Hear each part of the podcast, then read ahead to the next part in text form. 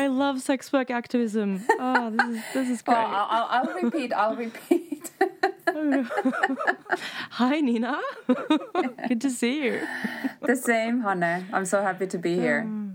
Oh, awesome, awesome. Um, so I'm very happy that we get to do this, um, and so happy to be talking to a researcher with so much knowledge. So the first time we met, I think, was in 2017, perhaps. Correct. Yeah, yeah. um, when you interviewed me for one of your projects, and I think it's super cool that I get to interview people who interviewed me. So I get to like turn the table a little bit, which is awesome. That's great. yeah. Um, so can you please tell us uh, a little bit about you um, and a little bit about your research, uh, and then we will get into your policy. Yeah. So, uh, so my name is Nina Vuolajärvi, and um, I'm currently an assistant professor of migration at London School of Economics. So, when we met, I was doing my dissertation research um, on sex work and the so-called Nordic model, or the criminalizing of the sex buying, and how, how it affects sex workers and, and sex workers who are also migrants uh, in Norway, uh, Sweden, and Finland. And um, uh, for this uh, research, I talked to hundreds of sex workers, and I also did uh, formal interviews with over 200 people, mostly with sex workers, but also with the police, social workers, policymakers, and so on. So um, that's kind of what my expertise lies on is on the knowledge of the of the sex workers. Um, and um, yeah, I'm currently writing a book uh, based on this research, so there's more to come. But um, a policy brief uh, came out uh, about the study in June, and now it's translated in Norwegian, so it will be out in Norwegian very soon. So hopefully, we'll have more readers then um, for that. Mm, I've already uh, read through uh, your policy brief in English, and I just I was fist bumping. I was like, "Yes, this is right. This is it." And uh, yeah, you do such good work. It's it's awesome. Thank you, Um, I thank keep- you, and thank you for Well, keep- contributing to the research. So I couldn't do it without sex workers. So it's kind of just channeling your knowledge uh, to further audience.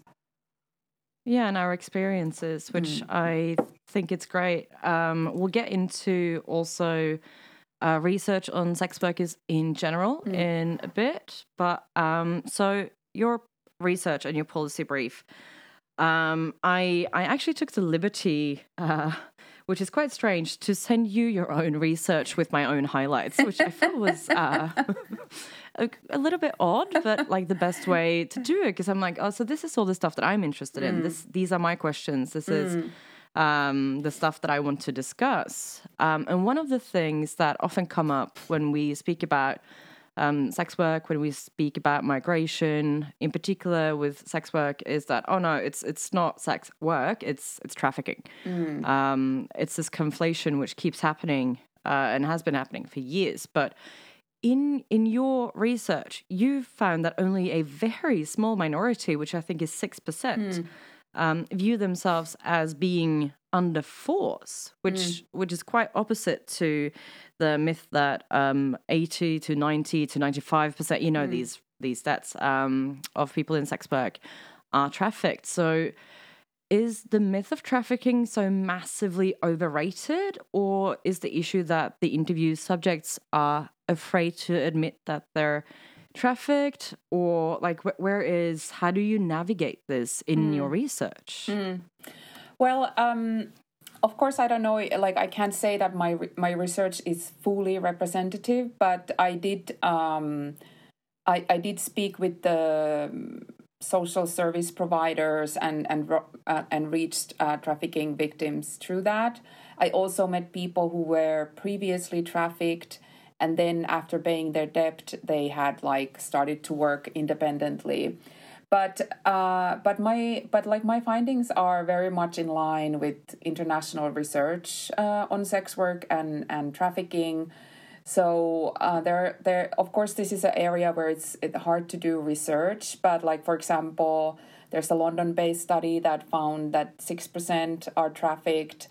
Um, then there was another large-scale study in Austria and Nether- Netherlands where um, 10% felt not necessarily traffic, but felt that they were forced to sell sex or working in, in very bad conditions. And then there's also this uh, big survey in India of 3,000 sex workers where 16% felt that they were initially forced or cheated to sell sex.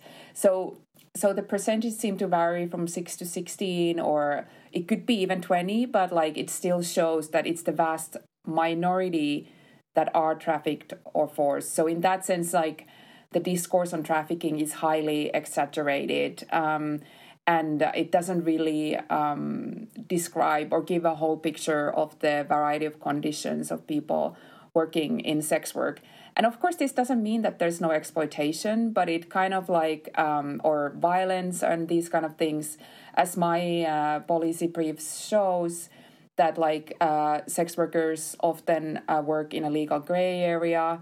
Uh, they cannot uh, go to the police because of stigma and other laws. And also the stigma in general uh, you know puts people in in precarious working conditions which which make them vulnerable for violence but in a way um, in the trafficking discourse this becomes secondary and like we don't really discuss how to enhance the rights and safety of sex workers. We're just talking about saving uh, some idealized victims uh, who you know we think that are worth of saving. And then the others who are in sex industry I, I, I rarely find that people are interested in who are fighting trafficking interested in um, ameliorating the condition is rather just like getting people out of sex work but not necessarily giving any options like uh, like a living a, a, job with a living wage. So so yeah yeah definitely overrated. Uh, and and my research is online with the international research on on this topic.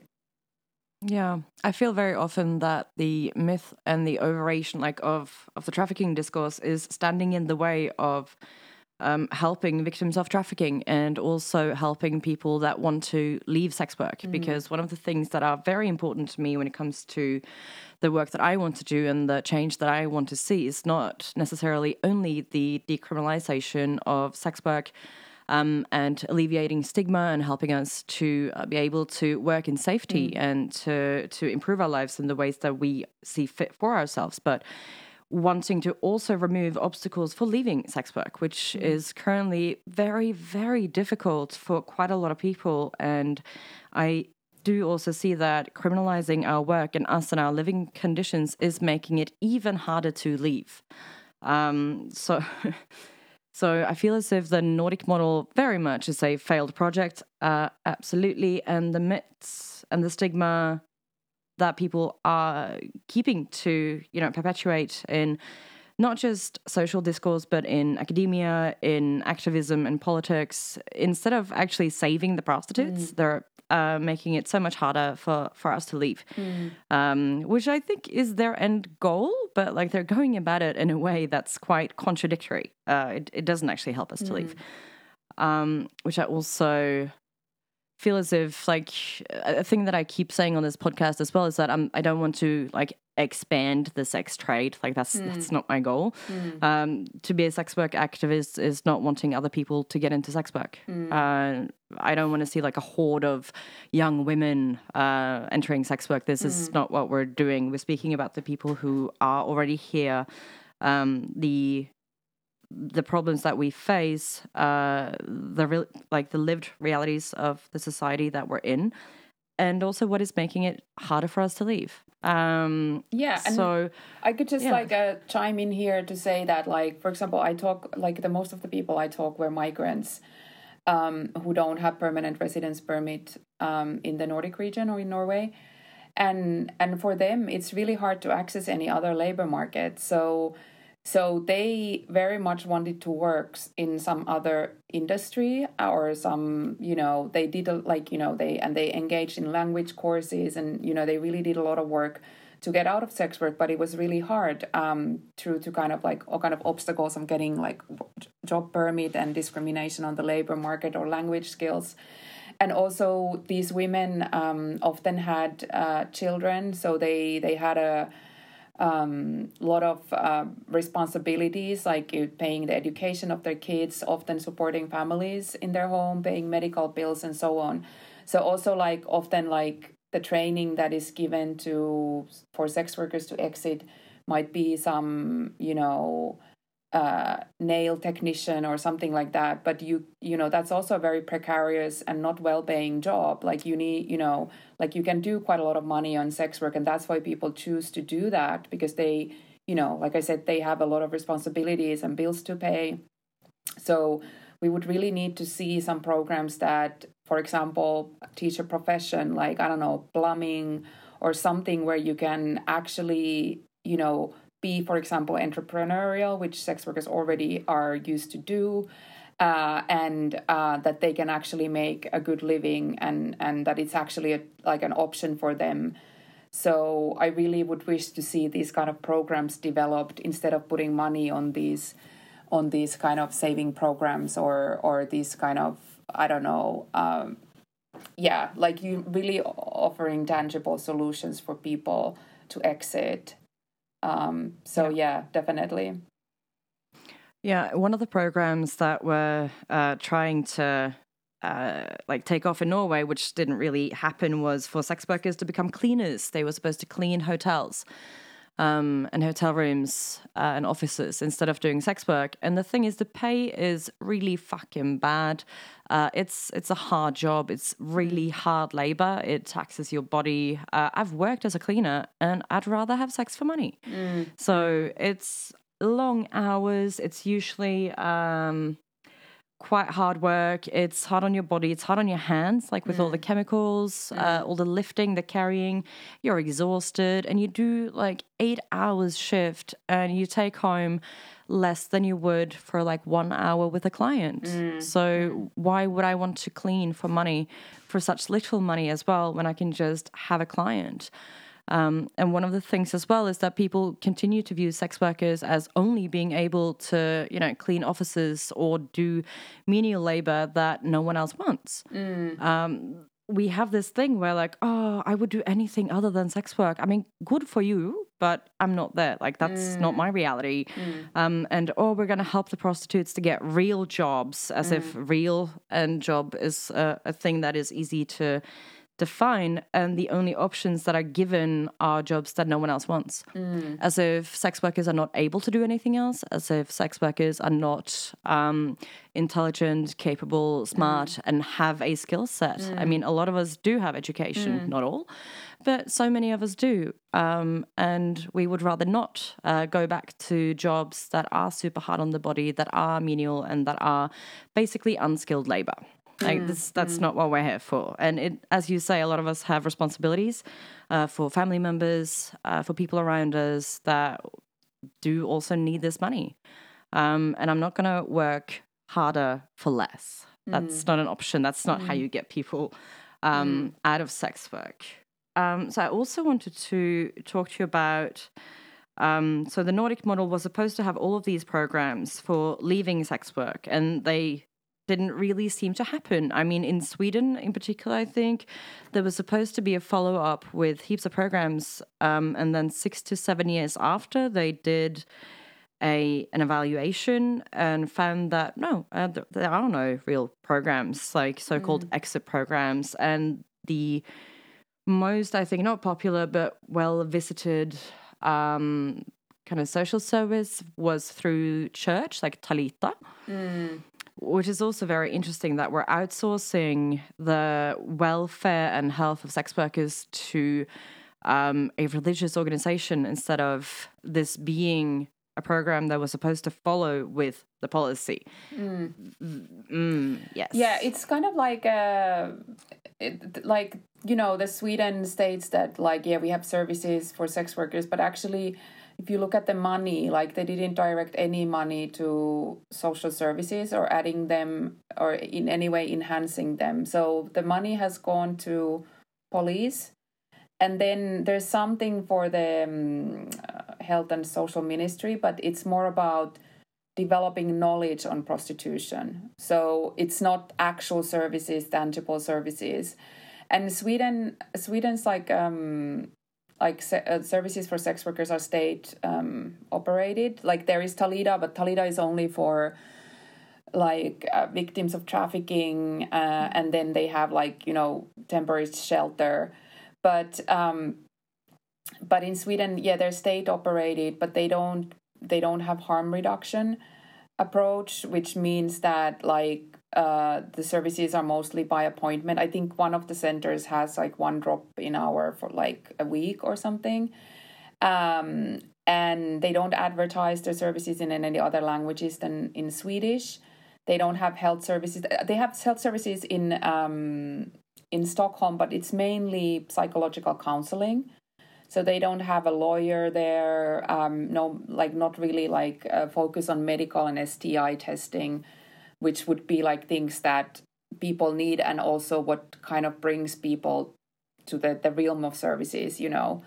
So so it's very limited there and like um also like if you need further services like i think this is a problem like in all the nordic countries is that you know the majority of sex workers are migrants without permanent residence permit so they don't have access to state social welfare state housing uh, state healthcare so there is really nothing for them you know uh, in norway um, luckily there's a strong um, harm reduction principle but that w- that had nothing to do with the with the law they've been there since the 80s or 90s working with sex workers and and developing harm reduction based health uh, and social services. Um, and they have good medical um, services and lawyers and so on. But also, like, they cannot offer monetary support or housing or these kind of things, which are are kind of the more tangible things you would need if you want to move or they don't do job trainings much like you know they don't have resources for that or so job searching so um, in a way yeah, harm reduction is harm reduction. It's it's not um, it's not transformative in a sense that you know it would, for example, help people to to find other jobs or housing or something like that. So. So yeah, I think it's there's a lot of hypocrisy around it. Like you know that they you know it's easy to criminalize and say that we'll help people, but then you know actually providing um, social services for complex needs, especially when people don't have a, a legal status and stuff. It, it, it is, you know, it's a different question. So, mm. yeah. yeah. You're, uh, sorry, I'm just uh, thinking the way that you just summarized that is amazing and such, it's, such a good point because people think that you could just leave sex work, just get a different job, mm. just um, you know find a job in your own country. Just mm. you know you don't have to take uh, such risks. You you just you can just get some help, and it's very easy to to say, ah, oh, just get some help to leave sex work mm. when the help is not really offered. It's not actually there, and it's quite hard to access. And as you say, so many people are migrants; they don't have access to the programs that are mm. here for state nationals. Mm. Um, and we see the same, as you were saying, also in Norway. The vast majority of people that sell sex in Norway are migrants. Mm. And I also want to then get into uh, the thing about policing, where migrants are mm. like doubly uh, penalized for selling sex. Mm. Um, and so, as you said, a lot of the money that could have gone to programs that would uh, provide harm reduction instead went to policing uh, mm. our best friends. Absolutely not. Um, and so, a thing that you uh, describe in your uh, policy um, is that many experience that the police hunt them on mm. the streets, which I thought was such a hard hitting sentence, which was horrifying to read, but then again, not at all surprising. Mm. Um, and so, in your research, you've spoken to police. You've you've had a lot to do with the police, actually, much more than I ever mm. would yeah. would want to. um, and can you talk a little bit about that, like your experience with the police uh, and sex workers' experience with the police? Um, well, the police, I think um, they think they're doing a good job and saving and helping people, but also like um, it might be a performance for me. but I think also like especially in Sweden, this idea of uh, of of sex work as being the ultimate bad and everybody being exploited who are in sex work being exploited uh, kind of builds into this kind of savior hero police um, idea and the people who work with this buy buy it or like they have internalized it to some extent um, in Norway, the police were maybe more practical. Practical, the ones that I talk, like you know, that trafficking investigations are hard. They need you need a lot of resources and so on. Uh, but but if we think about sex workers' experiences, like uh, they are like highly negative, especially in Norway. So yeah, the police hunts and harasses them on the street uh, and harasses their clients. Uh, then also like people reported uh, police sitting outside their apartments, like in this way disturbing and harassing them. Um, and of course also like the legal framework um, you know, the disrespect that they experience from the police together with the legal framework. So in Norway, um, you know, um, you can, like, your landlord uh, can be accused of pimping if you sell sex there. And the police uses this to evict people. So informing the landlord that if you don't kick the person out, like, you will be accused of pimping. And then also hotels can be accused of pimping if if they have people selling sex there. And then, in addition, for migrants, there's this extra punishment because selling sex is a ground for deportation. So, so the, the, the, the sex workers have a lot of fear contacting the police because it can have consequences for their housing, for their stay in the country, and also like not having this respectful relationship with them. You know, makes you think whether um, whether you whether you will get any help uh, um, when you need it. So, so there's a pretty bad uh, like relationship of trust between the police and and the sex workers, and and there's a fear to report crime. So I, for example, you know, heard stories that you know they some sex workers were beaten so badly that they were hospitalized but uh, but they were uh, worried to go to the police because they were afraid that they will lose their apartment um, also, criminals seem to know that that you know sex workers are less likely to report crime, and also sex workers often have a lot of cash um, at uh, with them. So so some people uh, target um, sex workers. So in Norway, there was this case of of this uh, gang robbing sex workers on a gunpoint, uh, and they were able to operate uh, for a long time uh, before I think Pro Sentret intervened uh, when they heard about that, and they kind of functioned as a firewall between the sex workers and the police, so that they were able to report and catch these people. But you know, um, yeah, this kind of policing of sex work and controlling and harassing uh, increases the vulnerability of sex workers. People know that they can be exploited for crime uh, and yeah, so so what can I say? The police really is not a, a protector or a friend for sex workers. So so um, so yeah, it, it's it's really sad to see that like how the stigma and the law affects so that that that that sex workers really feel they are outside the protection of the law. But we are though. We are. Mm-hmm. Yeah. Um, yeah, I recognize uh, the situation that you're speaking about. Um, and we saw this during COVID as well, of course, that during the time where the sale of sex was illegal, illegal in Norway mm. as a prevention of spreading uh, disease, mm. the violence against sex workers went up mm. dramatically mm. because people knew that we can report it. So mm. Mm. They knew perfectly well that we would be fined. And then to pay that fine that you get for breaking the law in some kind of sense, you need to do even more work. You have to mm. expose yourself even more. It was a horrible time. And it is still to this day. Like we're in 2022, we've had the Nordic model in Norway for quite some years. Sweden has had it for what, 20 something? 20. Um, yeah, and the relationship between sex workers and police is not improving. If anything, it's deteriorating even more. It's getting worse. Um, I also, speaking about police, so you of course, remember this because we wrote this together. The thing about the Nor- uh, the Norwegian police Mm. uh, calling sex workers contagion bombs Mm. um, in the news, which was absolutely horrible. Mm. And then there's also a quite famous uh, Swedish police officer called Simon Häggström, who has uh, quite a few uh, public statements about sex workers. He's written books where he uh, explains his very thoughts and feelings about the work that we do and who he thinks we are and who he thinks he is, which is the savior of all the downtrodden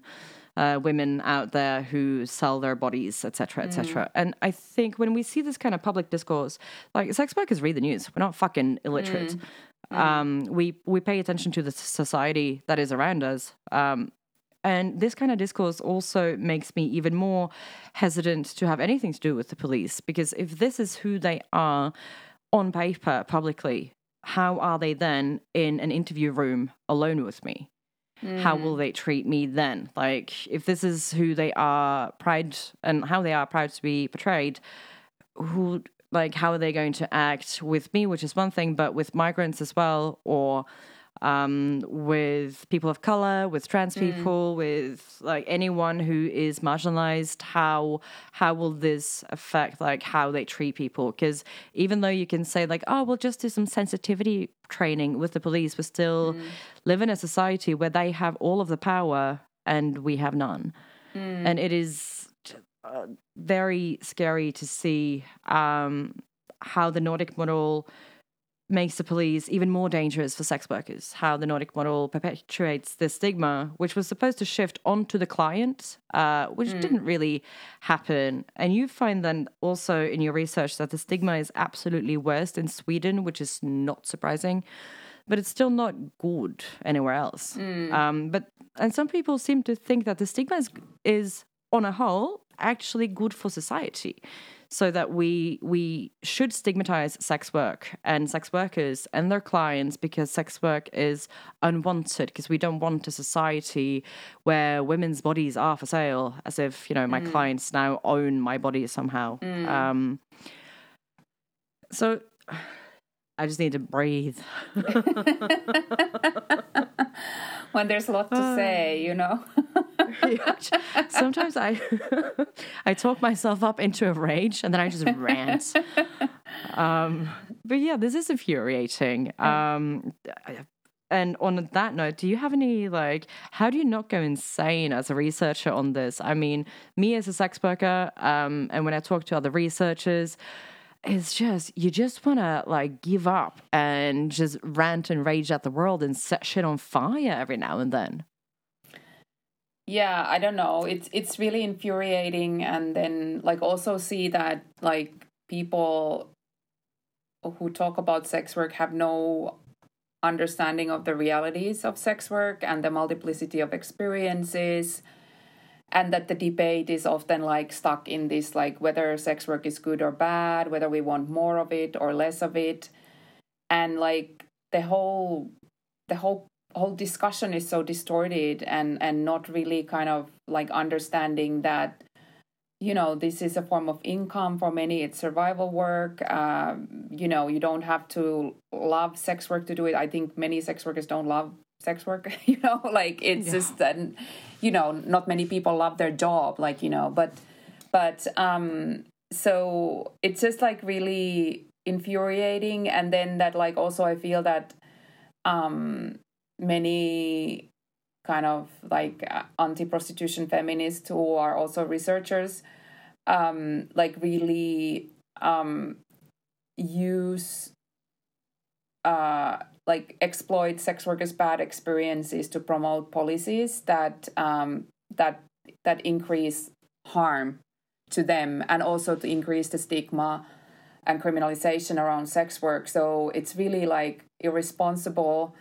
and like i don't know like exploitative and and using sex workers as pawn uh, on their own politics on around sexuality and what they think is good sex or how gender relations should be organized. So they become like i feel often like sex work becomes this ideological vehicle through which feminists argue about different things without actually thinking about the realities of sex workers and you know their needs and and and you know what is good good for them. So it becomes an ideological battle that that um that shouldn't be done on the on the bodies and and minds and lives of, of sex workers.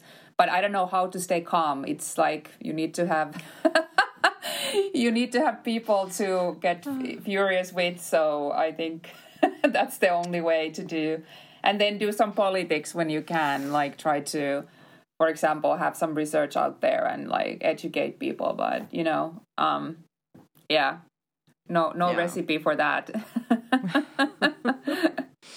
uh, yeah i absolutely i also see so many debates in society where sex work um, is used as an example um, and then I see so many debates in sex work where other, as you say, ideological debates and battles are being fought through the lens of prostitution.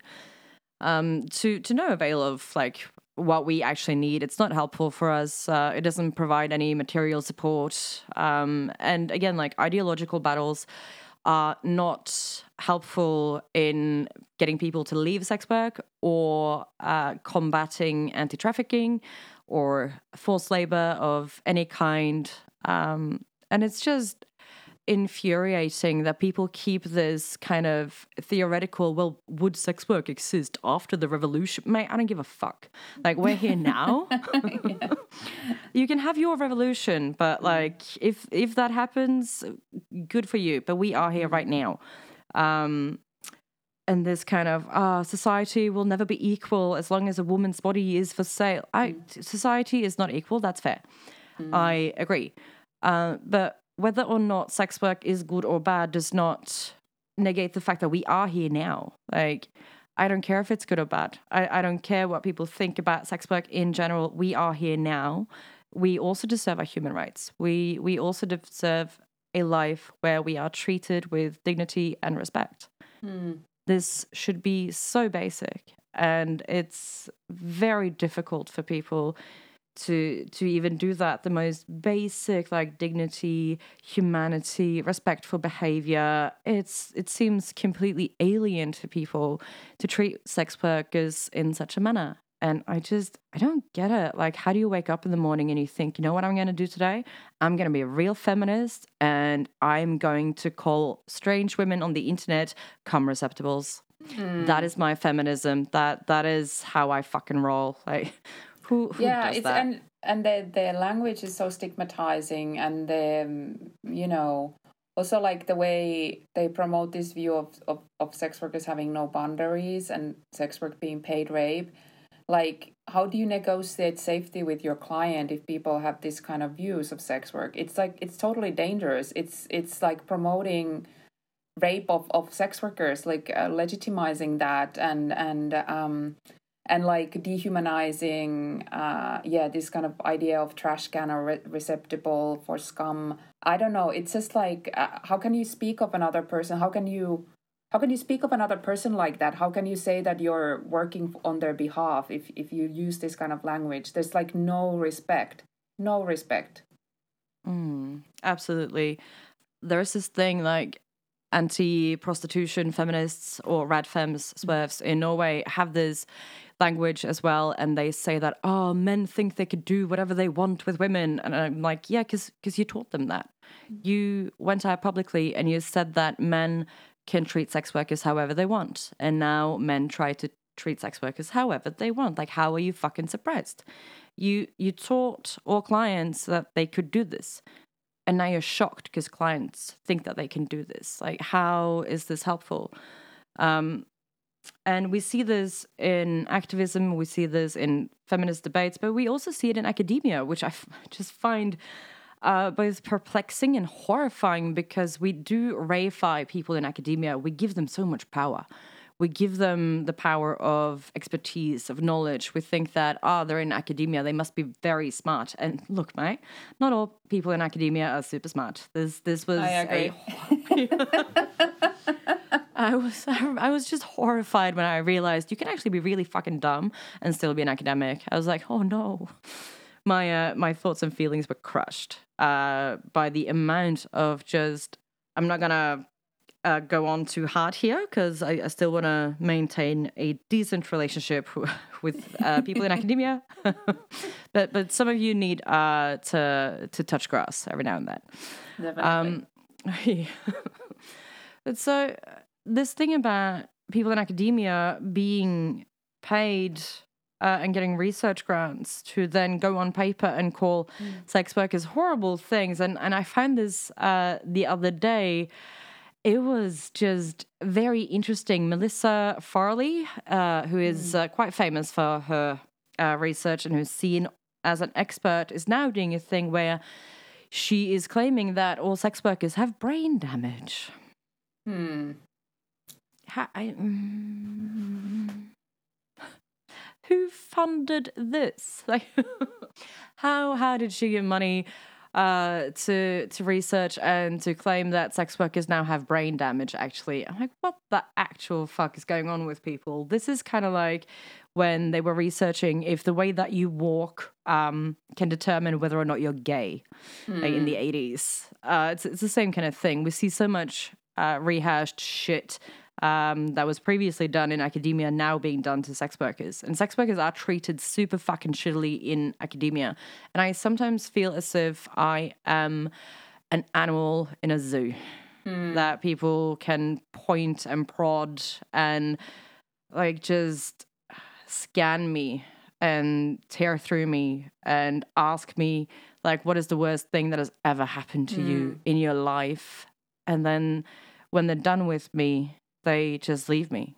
And then mm. I'm alone having to go through all of those experiences and rehashing mm. trauma. And I just sit there and, like, what do they pay you with? Uh, mm. A cup of coffee, if you're lucky. Mm. Mm. But they get to make money on this. And I've been interviewed and I've seen my own story being twisted and turned in so many ways that I hardly recognized that it was mm. me. And then they say, oh no, this is the truth, capital T, about prostitution.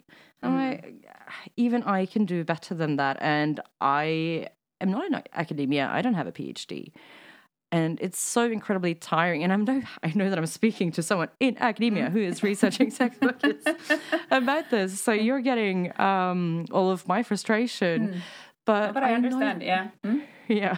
yeah. I know that this is such a thing for so many sex workers, which is why we keep saying that sex workers need to be a part of the design mm. of uh, studies that people are doing. Sex workers should be consulted because we are experts mm. in our own lives. Because we keep seeing, also, as we spoke a little bit about, like these amazing stats like 90% of sex mm. workers are trafficked or have PTSD or something, you know, just fill mm. in the gap. And it's always a ridiculously high percentage. Um, and when you ask, like, where is this from? They're like, oh, well, it's, uh, I don't have it in front of me right now. Or it's mm. always Melissa Farley and mm. Sheila Jeffreys, who can mm. both sit their ears down. Or Dworkin, of course, Andrea mm. Dworkin. May she rests in something. I'm not gonna.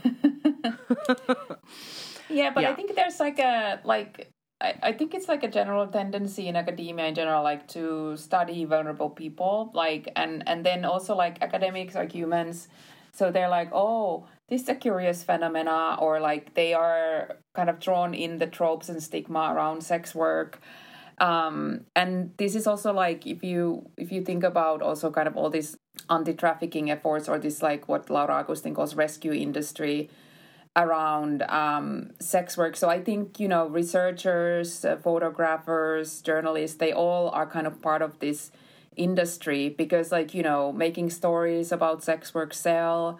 You know, you get publicity with documentaries, photographers, art. Uh, also, academics get uh, publicity through that and funding.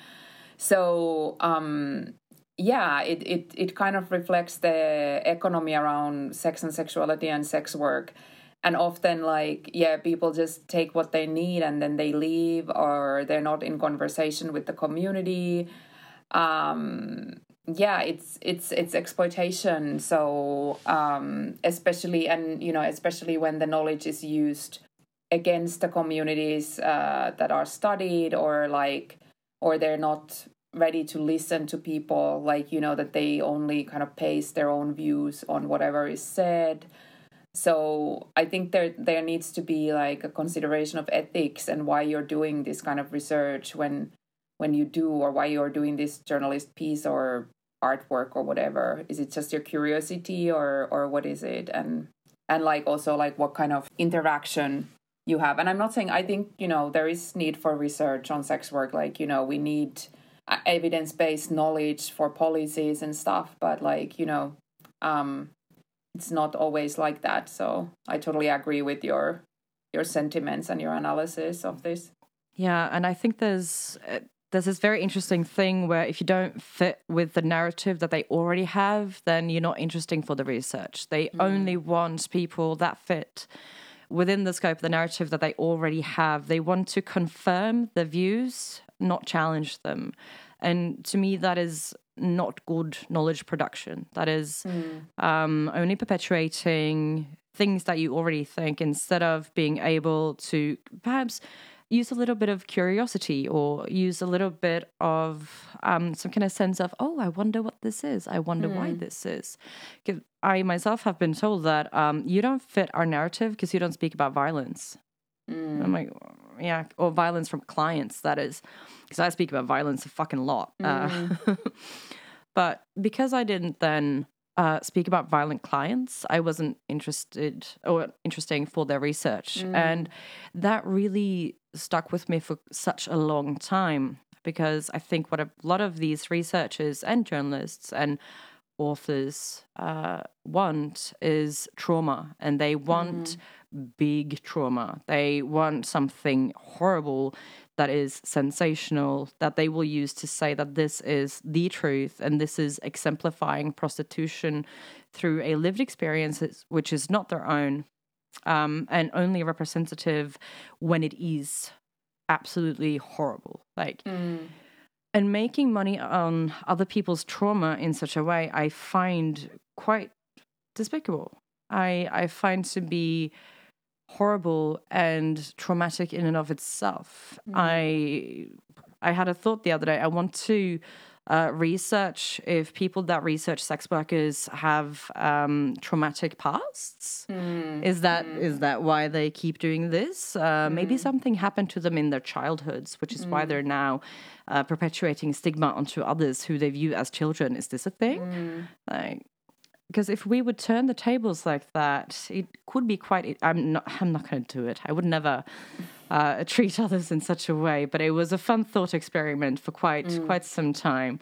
And like the questions I would ask. So I see that you're researching vulnerable people. Is that because you yourself feel as if your boundaries have been crossed? Mm. Like that kind of bullshit. Um, mm and there's also this of who who gets to use the trauma the trauma is used to perpetuate the Nordic model, to perpetuate the stigma, and to say that we should criminalize all clients.